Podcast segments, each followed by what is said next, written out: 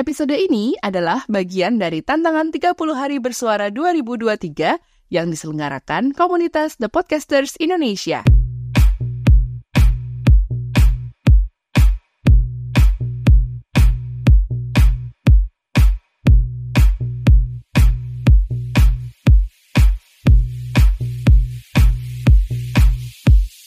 Assalamualaikum Bu Ibu, how are you today?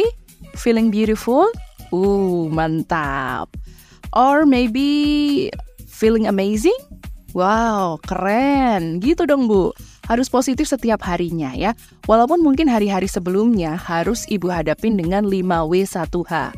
Apa tuh? Waduh. Waduh.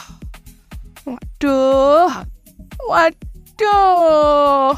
Waduh. Waduh. Aduh. Itu dia 5W1H. Biasanya memang kalau setelah berhari-hari rasanya kayak mati-matian struggle gitu ya. Akan ada hari di mana kita itu merasa jadi our best version in the world, ya. Jadi merasa cantik banget gitu.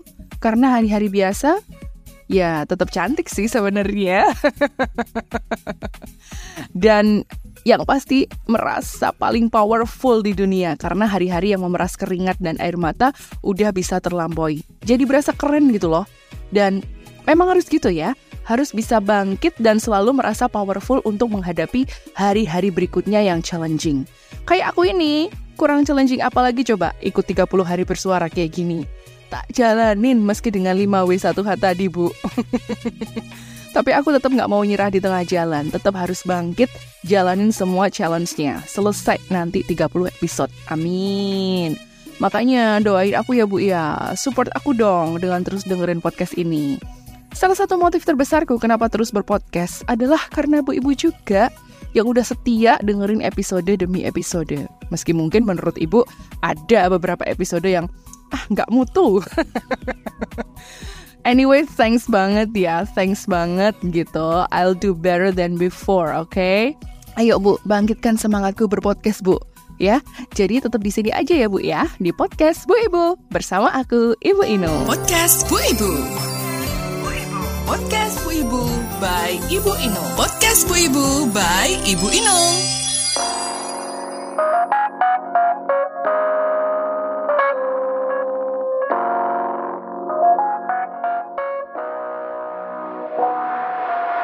Bu Ibu pernah denger lagunya Cakrakan yang judulnya Butiran Debu? Kan ada tuh bagian referennya liriknya gini. Aku terjatuh dan tak bisa bangkit lagi. Tolong jangan ditiru ya, ya Bu ya. Lirik yang barusan aku nyanyiin tadi jangan ditiru. Oke, jangan. Kalau jatuh ya harus bangkit lagi. Sama kayak kita selalu bilang ke anak-anak kita pas mereka belajar jalan Nah, mereka jatuh. Kita bilang apa? Gak apa-apa, ayo bangun, coba lagi, gitu. Begitu pula pas mulai bisa lari. Mereka jatuh.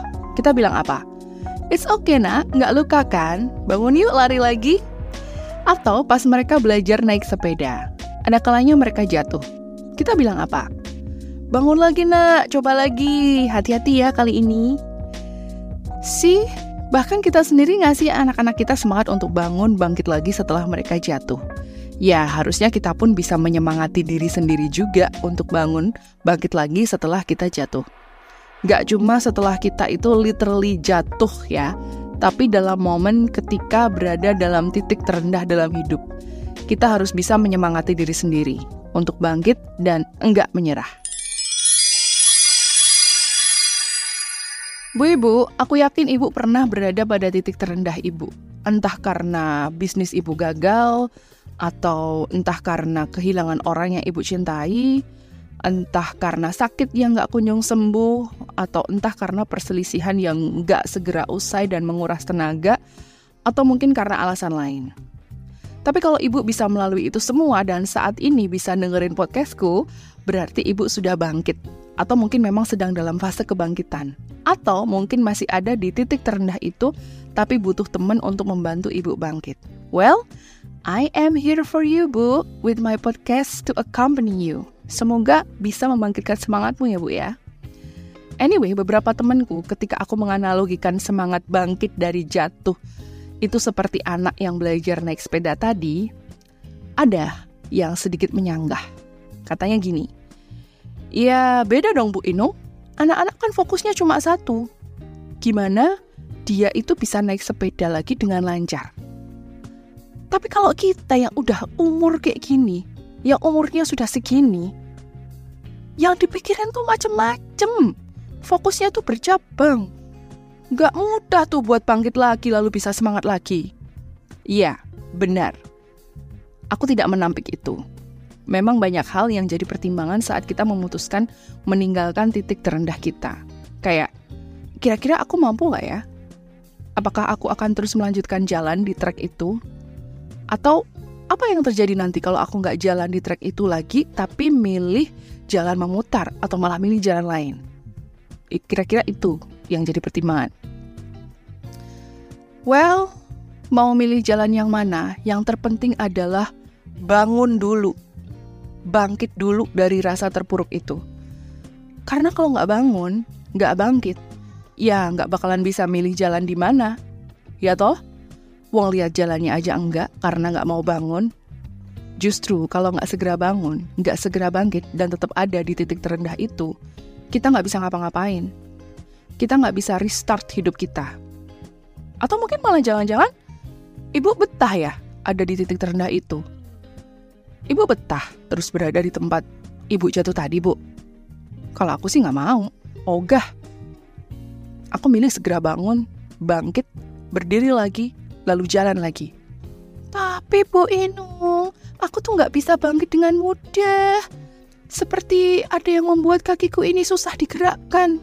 Seperti ada beban di badanku gitu loh, Bu. Bu, gunakan apa yang kau punya. Punya tangan, bisa lambai-lambai minta tolong kan? Ibu punya mulut, bisa teriak minta tolong kan?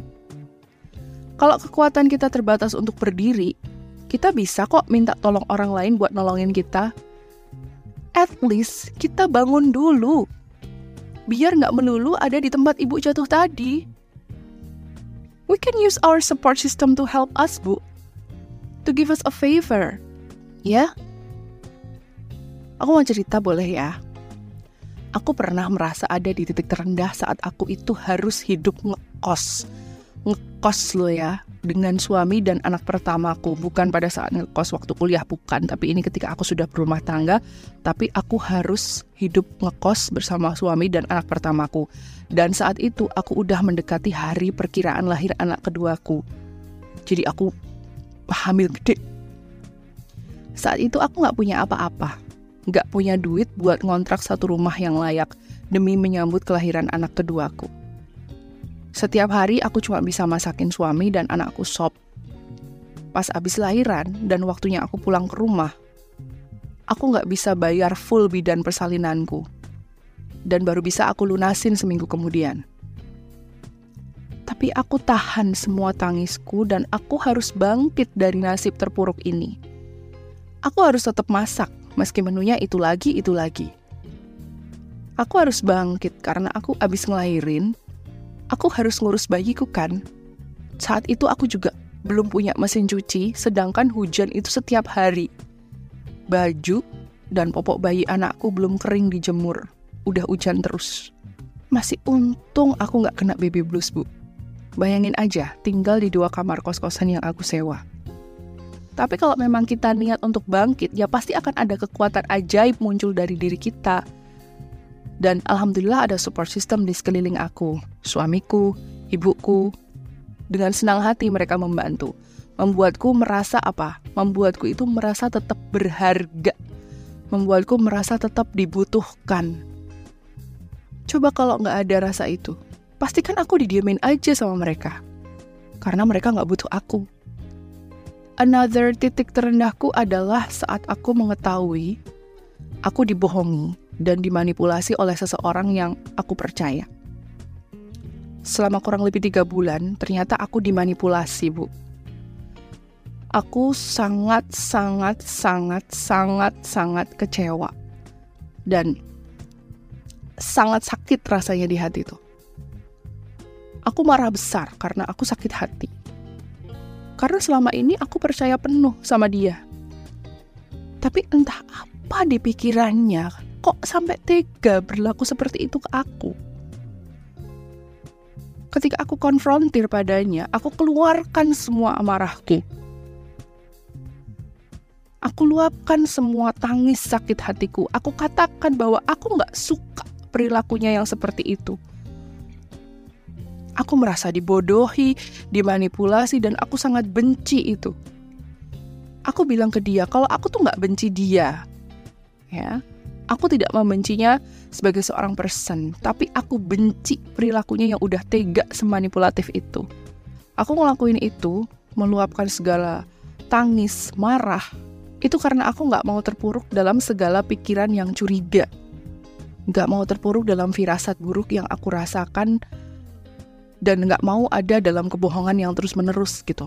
Aku harus keluar dari situasi itu. Makanya aku bangkit dan meledakkan segala unek-unek di kepala dan emosi di hatiku agar dia juga tahu bahwa perilakunya itu udah membuatku jatuh tersiksa batin. Dan semua kata-kataku membuatnya sadar bahwa memang dia telah melakukan kesalahan, bahwa memang semua yang aku katakan itu benar semua. Kata maaf dari mulutnya dan janji nggak akan memperlakukanku gitu lagi bisa jadi titik balik hubungan kami. Kami berbaikan, meskipun hubungan kami jadi upward, tapi dari situ kami sama-sama bangkit untuk melakukan effort untuk memperbaiki hubungan ini. Karena kami nggak pengen hubungan yang sangat baik itu tiba-tiba harus berada di uh, sebuah titik didih yang bisa melukai kami terus-terusan karena saking panasnya hubungan kami we get up to get things work. And we want to achieve our goal, which is having a strong relationship in honesty and respect. Jadi, gini ya Bu ya, kita harus bisa bangkit dan menolong diri sendiri dulu sebelum memberi pertolongan pada orang lain. Kita harus menyemangati diri sendiri dulu nih agar kita bisa selalu on track dan gak gampang nyerah. Tapi kita juga boleh kok minta tolong ke orang lain untuk membangkitkan kita kembali. Karena bisa jadi api kita kurang besar, cahaya kita kurang bersinar. Jadi butuh bantuan orang lain untuk memperbesar api kita dan memendarkan cahaya kita. Gitu. Kalau jatuh, harus bangkit lagi, one way or another. Semangat bangkit ya Bu ya. Oke? Aku Ibu Inung, thank you for being here with me. See you on my next episode of podcast Bu Ibu.